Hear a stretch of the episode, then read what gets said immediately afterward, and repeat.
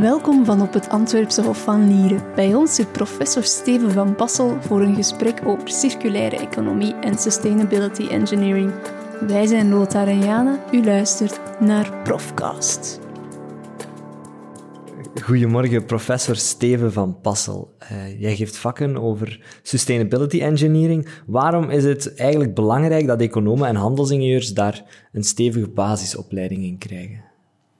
Fijnstof, CO2-emissies, overstromingen, waterschaarste, verlies aan biodiversiteit. Ik hoop dat dat allemaal dingen zijn die u iets zeggen en die belangen ons allemaal aan. Dus ik denk dat dat dan ook essentieel is dat we daar mee bezig zijn, ook binnen onze opleidingen handelsingenieur. Is dat al lang zo, dat dat in die opleidingen vervat zit?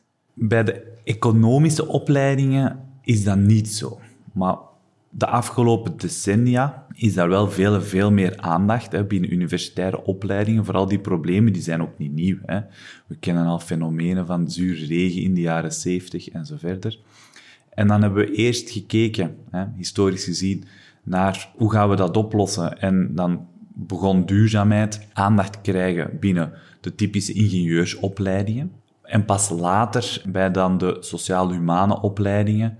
Maar ook daar was er al aandacht voor milieuproblematiek, ehm, zowel vanuit het economische als vanuit dan die sociale invalshoek. En op dat vlak hè, zien we wel de afgelopen jaren dan meer en meer aandacht, want het is alles overheersend, zou ik het nu niet meer durven noemen, maar het is toch heel essentieel. Hè? Ik denk dat je van een andere planeet moet komen als je nog niet weet wat klimaatopwarming is. Maar dat is ook niet het enigste. Hè. We hebben uh, geregeld uitdagingen, milieuproblemen, vervuilingen, fijnstof, lage emissiezones. Um, en die hebben allemaal een impact op, onze, op ons welzijn, maar ook economisch.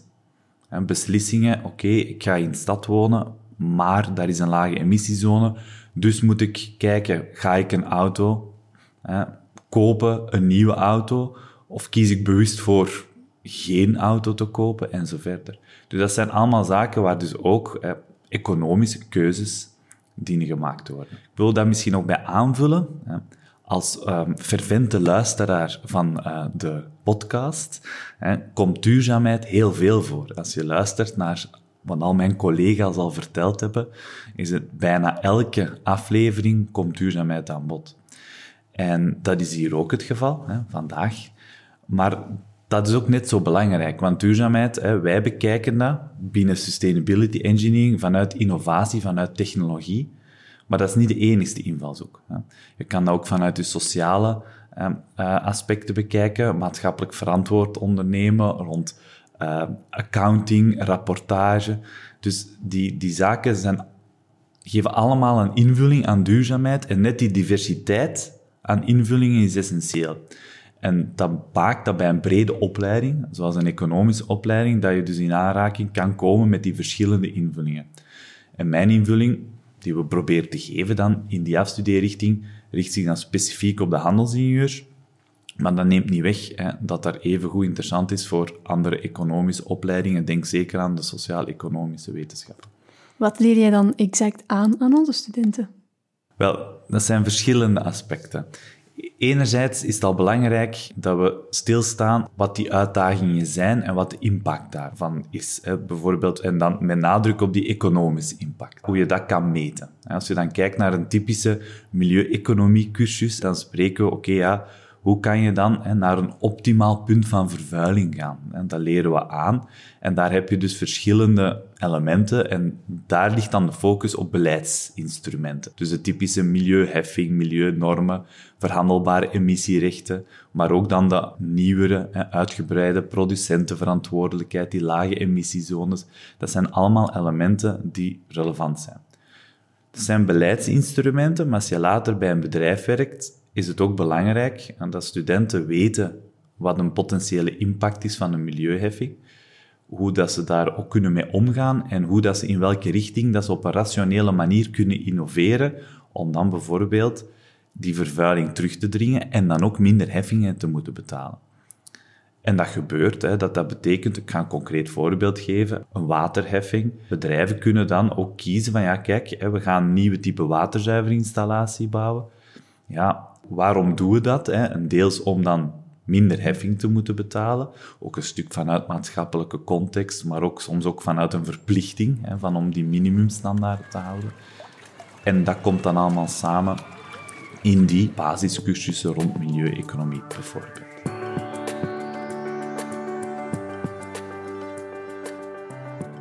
Dus veel van onze handelsingenieurs die afstuderen gaan werken in bedrijven. Nu is de vraag een beetje, ja, zijn bedrijven eigenlijk volgens jou, uh, Steven, de motor naar uh, de verlaging van de klimaatverandering? Of denk je net dat ze er eigenlijk mee nog altijd erg voor verantwoordelijk zijn?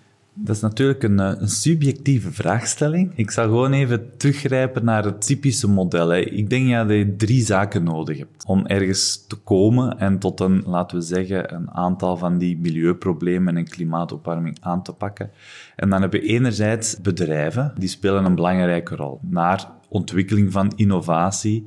Maar we weten ook dat een heel aantal bedrijven zich daar minder van aantrekken en daar zich minder mee bezig zijn.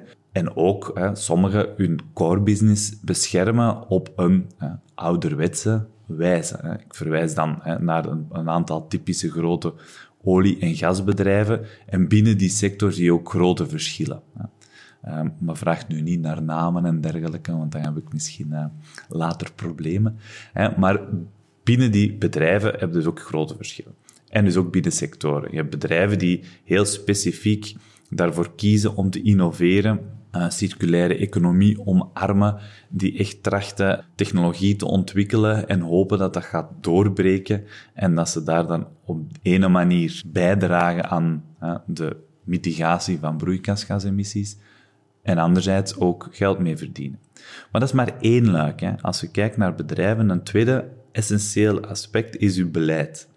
En dat op verschillende niveaus. Er wordt dan niet enkel gekeken naar nationaal niveau of regionale eh, regeringen, ook lokale niveau. Steden die klimaatplannen ontwikkelen, die die doelstellingen trachten te realiseren. En dat is ook erg belangrijk. Persoonlijk, en zoals de meeste milieueconomen, geloof ik heel sterk in een, eh, in een stuk het feit dat we nood hebben aan een duidelijke CO2-prijs en een combinatie van heffingen en dividenden. Ondanks dat dat heel gevoelig ligt, zien we toch dat dat helpt en werkt. En als je op vrijwilligheid en, en, en engagement moet teren, dat je sowieso wel een aantal mensen kan en zal overtuigen, maar uiteindelijk is er altijd toch een verschil tussen mensen die iets willen en mensen die iets doen, als het dan geld, uh, over geldbestedingen gaat. En dat zie je op veel domeinen. Dat is ook bij en bij voedingskeuzes. En we willen duurzaam voedsel, maar uiteindelijk kiezen heel veel mensen voor het goedkoopste als ze in de winkel staan. Dus um, daar zitten evoluties in, maar toch merken we dat op. En als je dan de derde factor, naast dan die producenten, die bedrijven en dan de beleid, zijn ook natuurlijk de consumenten, de mensen zelf, maar die zullen dan ook aangestuurd worden. Er zal vraag zijn voor bepaalde producten. Je kan die vraag vormgeven, slimme marketing bijvoorbeeld. Maar dan nog nudging, en dat zijn een heel aantal elementen. Maar het zal van die, drie elementen moeten afhangen om bepaalde problemen, uitdagingen aan te pakken. Wat met de klimaatproblematiek dan nog een erg lastige is, lastiger dan bijvoorbeeld fijnstof of stikstof, wat ook al enorm lastig is, omdat je daar natuurlijk met een globaal probleem zit. Wij kunnen als Europa ongelooflijk ons best doen, maar uiteindelijk op wereldvlak dan zijn, zitten wij ondertussen al lang onder de 10% van productie van die broeikasgasemissies. Dus als wij zeggen, we gaan dat halveren, maar in China of in de Verenigde Staten werken ze niet op hetzelfde tempo, ja, dan gaat er wereldwijd amper iets veranderen. En dan gaan we naar die 2, 3, 4 graden Celsius klimaatopwarming. Je bent ook vooral een onderzoeksprofessor, toch? Je doet veel onderzoek. Klopt. Ja. Ja, en een van je onderzoekslijnen is circulaire economie. Inderdaad, we hebben heel veel boeiende onderzoekslijnen. En ik zeg dat ook zodanig dat de onderzoekers die naar deze podcast luisteren niet denken, nu heeft het alleen over circulaire economie en niet over mijn boeiend onderzoek. Nee, um, circulaire economie misschien eerst even wat duiden wat het juist betekent. We bekijken dat heel breed. Dat is eigenlijk niet anders dan trachten producten en materialen te behouden op een hoogst mogelijk toepassingsniveau. En dat toepassingsniveau kan je ook op verschillende manieren definiëren, hè, maar ik kan dan als econoom zeggen met de hoogste toegevoegde waarde. En dus zo onze stok van materialen behouden. En dat betekent dus, als je lineair redeneert, we gaan hè, materialen in een proces steken, we doen iets met dat product, en na dat gebruiksfase wordt de afval en dan gaan die materialen terug in onze omgeving. Dat is het lineaire concept.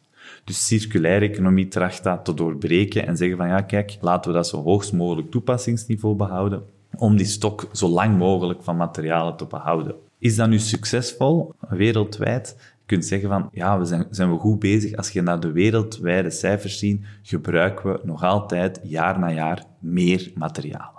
Dus we gaan nog meer grondstoffen ontginnen, ondanks dat we dus ons best doen om toch veel van die hè, materialen niet lineair, maar dus circulair te gaan behandelen. Dus op dat vlak is dat eigenlijk ook een soort uh, maatschappelijke transitie waar we dan die circulariteit trachten van die materialen, zowel hè, op economisch, milieu en sociaal vlak, hè, die voordelen trachten te gaan realiseren. Goed, dat is nu allemaal veel theorie. Hè. Wat doen we dan? Wel, we werken al een aantal jaren als een van de onderzoekspartners binnen een steunpunt circulaire economie. En dat is dan een beleidsondersteunend steunpunt voor OVAN en, voor het uh, EWI, de Wetenschap en Innovatie en Economische Zaken van de Vlaamse overheid. En daar zijn heel veel verschillende onderzoekslijnen en wij kijken naar een aantal aspecten daarbinnen. En ik ga gewoon een aantal voorbeelden geven. Enerzijds is het ook nuttig om te gaan kijken, oké, wat zijn bijvoorbeeld het effect van een verbrandingsheffingen op de hoeveelheid industrieel afval dat er gegenereerd wordt. Er is al heel veel onderzoek gedaan rond allemaal ons huishoudelijk afval. Ik dat jullie allemaal flink sorteren. Ook dat heeft een hele transitie doorlopen. Nu ondertussen hè, heb je hè, je restafval, je PMD+, dat is dan nu uitgebreide blauwe zak. Dat zijn allemaal onderbouwende en studies geweest en ook en met prijszetting komen tot hè, minder, op een, gaan we beter met ons afval om. We zien heel duidelijk hè, dat bijvoorbeeld mensen die betalen per kilogram afval, dat ze dus terugbrengen, dat je daar dus minder afvalproductie hebt. Dat mensen denken, oké, we gaan bepaalde producten kopen, waardoor we minder verpakking hebben, of doordat het restafval duurder wordt, gaan we beter sorteren. En dat zijn allemaal zaken die komen. Natuurlijk, dat heeft ook zijn grenzen, want als je dan te duur wordt, dan zien we weer meer sluik storten en sluik af. Dus dat heeft allemaal hè, zijn evenwichten, dat is, een, dat is een, proces. En op dat vlak zijn we in Vlaanderen wel een van de voorlopers.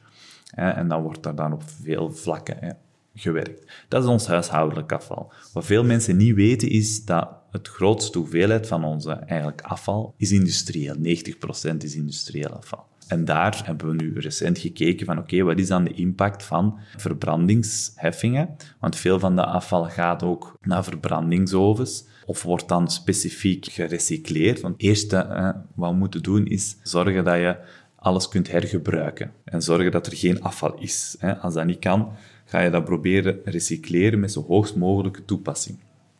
Je kan dat dan bijvoorbeeld in een gesloten systeem hebben, dat je dus dat terug, dat materiaal terug gaat herwerken, zodat het voor dezelfde functie terug herbruikbaar is.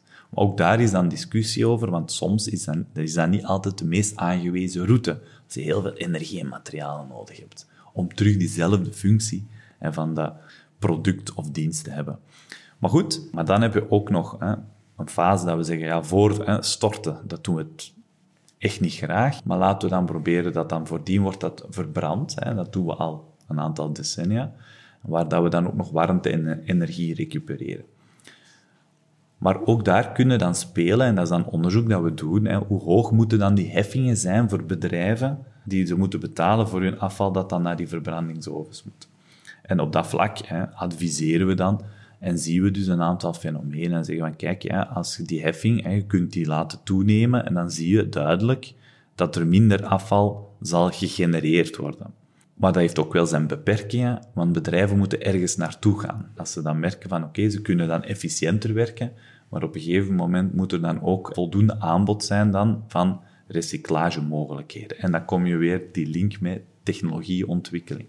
Waar dat we in Vlaanderen heel wat mooie bedrijven hebben, door net dat samenspel met al die heffingen, we zijn daar al, OVAM is in de jaren tachtig opgericht, als de openbare Vlaamse afvalmaatschappij, waar dat we dan eigenlijk een mooi spel gezien hebben met die heffingen die echt nodig zijn om bepaalde van die recyclage-economische activiteiten te stimuleren.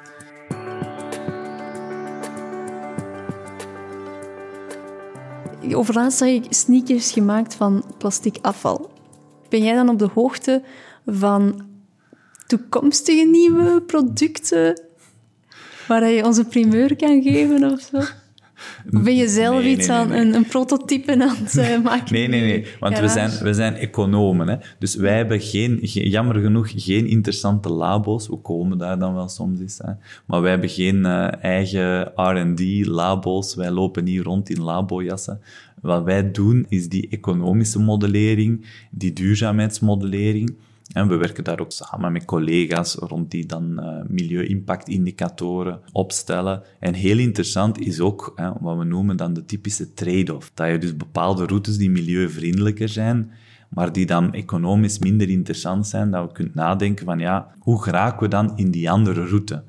En welke beleidsinstrumenten heb je dan nodig? Of, hè, want het hoeft niet altijd subsidies te zijn, laat dat duidelijk zijn. Daar ben ik niet zo fan van. Dan de eerste beste manier is dan de eigenlijk, hè, wat we dan noemen de, de virgin materials, eigenlijk harder gaan belasten, heffingen. Of ook, en dan krijg je een soort recycled content, hè, dat bepaalde producten een minimum hoeveelheid gerecycleerde hoeveelheid moeten bevatten. En dat zal ook op termijn een stuk zo met textiel zijn, terwijl er nu nog pioniers zijn of, bedrijven zijn die zeggen van ja kijk, we gaan dat op die manier vermarkten en hopen dat mensen dan specifiek voor ons product kopen. Hoewel dat de evolutie in de, ik ben ook daar geen expert, maar de textielindustrie en dan de huidige manier van uh, kledij kopen, dat, is, uh, dat gaat nog niet echt in de goede richting, laat dat duidelijk zijn. En je zei daarnet dat je geen fan bent van subsidies. Nee. Voor gezinnen en bedrijven of bedrijven, en waarom niet? Omdat altijd, dan noemen we dan de tweede beste oplossing. De eerste, je hebt een, een wat wij noemen een externe kost, die dus een, een derde partij-effect, dat is die milieu, die milieudruk en die milieulast, laat ik het zo eenvoudig stellen. En het beste is eigenlijk die trachten in de markt te brengen zodanig hè, dat je eigenlijk hè, die vervuiling, en dat is dan al bijna 100 jaar geleden, hè, is dan de, de Pijou-heffing, noemt dat dan, aangegeven van, ja, kijk, we trachten die te belasten. Hè, zodanig dat je, want eigenlijk moet je, hè, als je rondrijdt met je dieselwagen, benzinewagen, we betalen al veel accijnzen en heffingen, maar eigenlijk nog altijd te weinig in vergelijking met in veel gevallen de milieudruk die daarmee gepaard gaat. En dus niet enkel aan broeikasgasemissies, maar ook fijnstof en zo verder. Dus op zich is de beste manier om daar tegen te gaan, is hetgeen het vervuilende product daar duidelijk en dat ontmoedigen door heffingen. Maar in veel gevallen ligt dat erg moeilijk, omdat je daar ja, er zijn verschillende redenen voor. Hè. Ook sociaal wenselijke redenen, dat je bepaalde producten ook, zeker als het dan gaat over voeding of basisproducten, die dan wel misschien minder duurzaam zijn, maar die je wel mensen niet wilt ontnemen. Dus dat zijn een reden. Er zijn ook soms het feit dat je dus um, in een internationale competitiviteitsproblematiek zit. En dan gaan we dus, om dat op te lossen, gaan we teruggrijpen. Oké, ja, we kunnen dat vervuilend product, daar kunnen we weinig tegen doen. Dus dan gaan we het betere alternatief maar ondersteunen met subsidies. Wat je dus best kan doen. En, maar dat is heel veelal inefficiënt. Hè. Um, en in het verleden zijn er ook veel fouten mee gebeurd. Denk maar aan um, eerste generatie biomassa, waar dat je dan eigenlijk subsidies gaf aan uh, voedingsgewassen die dan voor energie gebruikt werden, terwijl die dan wel een druk resulteerde. En door die subsidies kreeg je dan ook hogere prijzen eh, in u bij voor voeding, maar kreeg je daardoor eh, enerzijds, maar anderzijds verdwenen er dan ook goede landbouwgrond voor onze voedingsproductie. Dus daar wordt wel uit geleerd en dat geeft dan ook die nadelige effecten. En op dat vlak zeggen we altijd als milieueconoom, tracht gewoon die externe effecten te internaliseren en heffing is daar meestal bij aangewezen. Maar dat is dan natuurlijk de enge milieu-economische benadering. En ik ben ook wel fan van die nieuwere instrumenten, waar dat je dus met uitgebreide producentenverantwoordelijkheid ook wel wat kunt realiseren. Maar je zal altijd een combinatie nodig hebben. Waar dat je dan zegt van, oké, denk aan de batterijinzameling, dat zit allemaal een systeem achter. Hè. Dat is niet dat die bedrijven, en ze organiseren dat zelf, maar dat wordt gestimuleerd door eigenlijk een breder kader van je milieuwetgeving.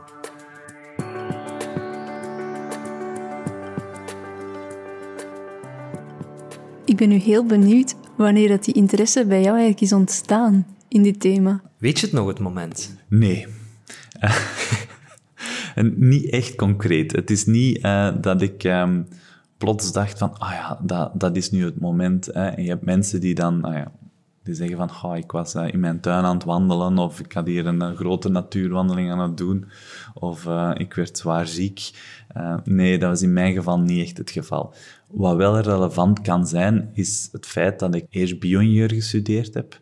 En in die opleiding werd ik al in de jaren 90 geconfronteerd met duurzaamheid. Daar werd al grondiger gewerkt en gediscussieerd rond duurzaamheid, duurzame technologie, technologieontwikkeling, waterzuivering. En dat heeft mij altijd geboeid. En dan gedurende de opleiding die ik dan doorliep daar, was ik meer en meer geïnteresseerd in het economische luik. En dan ben ik ook economische wetenschappen gaan bijstuderen.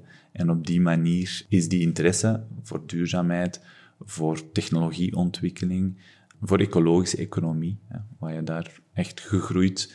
En vandaar heb ik een iets complexere opleiding afgerond dan, dan ik altijd zeg tegen mijn studenten handelsingenieur, dat ik dat waarschijnlijk beter ineens gestart was op mijn 18 jaar.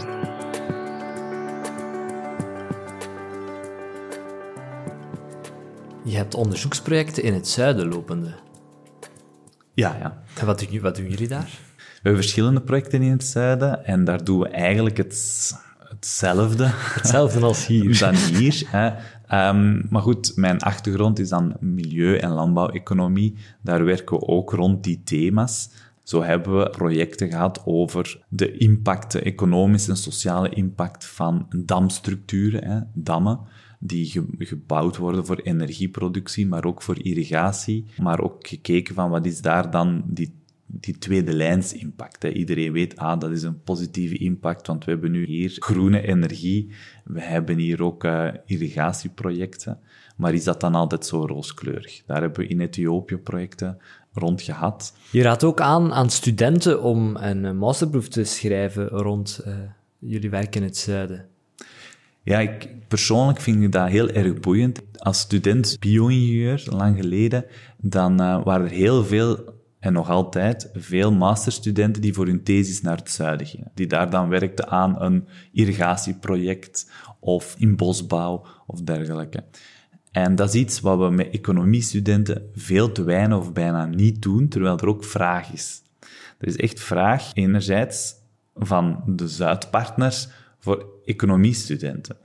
Ehm, er zijn daar ontwikkelingsprojecten, een irrigatieproject bijvoorbeeld, om dan te gaan kijken van ja, maar wat zijn nu daar de economische baten en, en kosten van? Kunnen we daar eens naar kijken? Of er is daar een, een vraag over een uitbreiding van een natuurpark hoe, hoe, moeten we dat doen? Kunnen we dat in kaart brengen? Hè? En wij hebben daar dan methodes voor, hè, wat dat we typisch gebruiken om waardering van, van een natuurgebied te maken. En dat kunnen we daar ook toepassen. En daar zijn onze handelsingenieurs en TW-studenten, maar zeker de handelsingenieurs, erg geschikt voor. En die kunnen dat en die hebben daar ook ja, de nodige zin en goesting in om dat te doen. Dat is één punt. Een ander punt is ook uh, dat Afrika ook sterk verbonden is met Europa en ook toekomstig economisch interessant en relevant is. En dan is het ook interessant dat onze studenten niet enkel weten hoe business draait en, en, en partners in, in Verenigde Staten en in Azië, waar uiteraard de meeste handelscontacten internationaal zijn, maar ook hè, hoe dat je dat kan doen, leren en werken in Afrika. En daar wonen en leven dus zoveel mensen. We hebben daar historisch linken mee. En die zitten veelal in dezelfde tijdzones, wat ook niet onbelangrijk is. En op dat vlak is het erg interessant dat studenten daarmee leren omgaan en die ervaring ook hebben om daar een maand of, of vijf weken rond te lopen, hè, te zien hoe alles daar draait en hoe het daar niet draait. En op die manier die ervaring kunnen meenemen.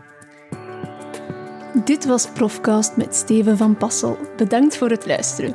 Wil je meer horen? Surf dan zeker naar uantwerpen.be-profcast.